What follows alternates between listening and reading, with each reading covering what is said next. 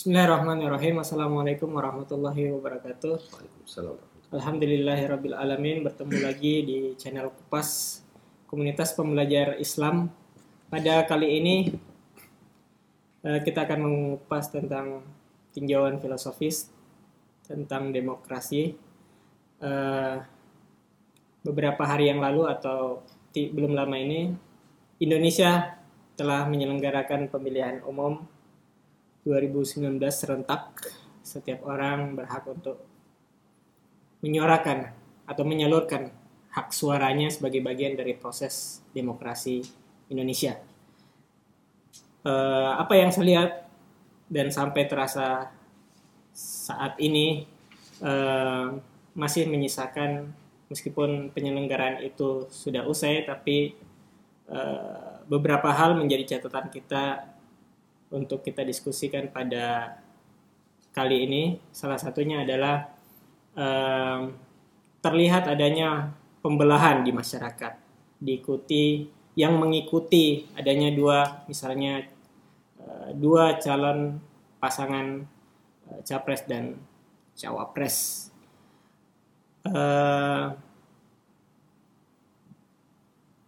yang perlu ditekankan lagi adalah pembelahan ini ada fenomena terjadi ideologisasi. Hmm. Uh, Ada yang apa namanya pembelahan ini menuding yang satunya orang baik, bahkan ada yang bilang kafir dan juga sebaliknya. Ada yang mengatakan ini koalisi partai Tuhan, ada yang mengatakan partai setan. Berbagai nilai saling tuding di situ. Ya. Nah, apakah demokrasi seperti itu sebenarnya? Apakah demokrasi meniscayakan konflik atau pembelahan atau saling tuding nilai seperti itu Ustaz? Ya. Mengharuskankah seperti itu demokrasi ini? Kalau mengharuskan, wah bisa repot kita ini. Ya. Eh, nah mungkin eh, pada kajian kali ini kita akan memulai dulu ya sebelum ke arah sana kita mulai apa sih hakikat demokrasi ini karena kita dalam kajian tinjauan filosofis Eh, bersama saya Ustadz Musa Kazim alhamdulillah sudah bersama kami dan saya persilahkan Ya. kepada Ustadz Terima kasih. Eh, Bismillahirrahmanirrahim. Assalamualaikum warahmatullahi wabarakatuh. Eh, ketika kita melihat eh, sistem demokrasi, ya, kita menemukan bahwa substansi demokrasi itu sesungguhnya adalah kedaulatan rakyat yang kemudian disalurkan melalui kotak-kotak suara. Hmm. Jadi ada representasi mayoritas dalam pilihan-pilihan yang eh, ditentukan oleh rakyat itu. Oleh sebab itu, dalam demokrasi kita menemukan bahwa pilihan-pilihan itu adalah pilihan-pilihan yang relatif. Hmm. Jadi demokrasi itu adalah suatu ruang relatif di mana setelah berbagai perbedaan yang ada di masyarakat, Hmm. maka kemudian masyarakat menentukan pilihannya melalui kotak-kotak suara itu. Pada beberapa waktu yang lalu kita telah men- mengatakan bahwa di dalam sistem demokrasi kerahasiaan itu menjadi penting Hmm. agar justru jangan sampai setelah suatu pilihan raya atau pemilu raya atau pemilu pe- pemilihan umum itu berlangsung imbas dari perbedaan itu berlanjut dan ber eh, keterusan ya berterus menerus sehingga eh, apa pun yang telah ditetapkan dalam suatu pesta demokrasi itu menjadi ajang konflik yang berkepanjangan.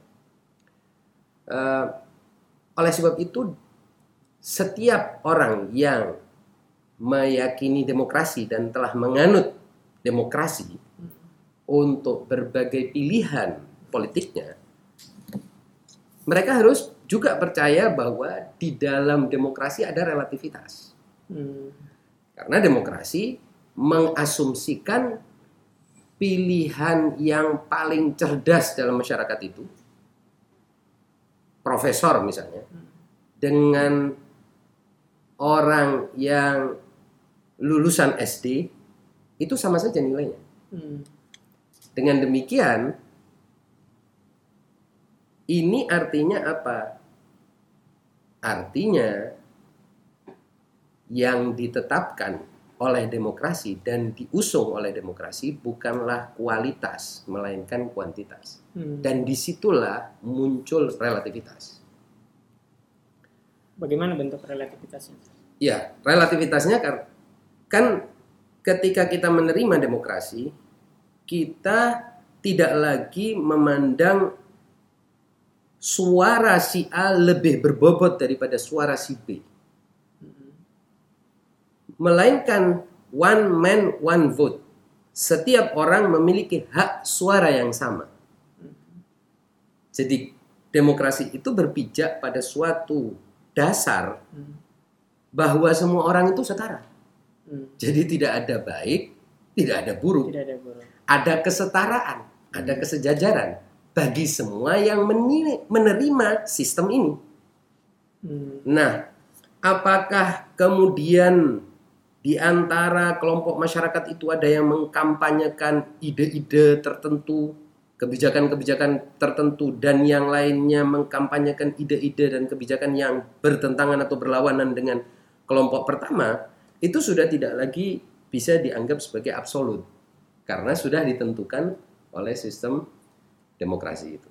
Telah direlativisir oleh sistem demokrasi itu sendiri. Hmm. Karena betapapun hebatnya eh, perdebatan, argumen kelompok A versus kelompok B atau kelompok A versus kelompok B dan kelompok C kalau ada misalnya tiga kelompok, semuanya itu sudah eh, dianggap tidak lagi eh, apa namanya tidak dinilai lagi kualitas ilmiah dan logis dari masing-masing argumen itu karena sudah ditentukan melalui eh, kotak suara. Jadi hasil akhir itu tetaplah suara yang terbanyak. Meskipun suara itu sebenarnya berbasiskan pada misalnya saya- Argumen.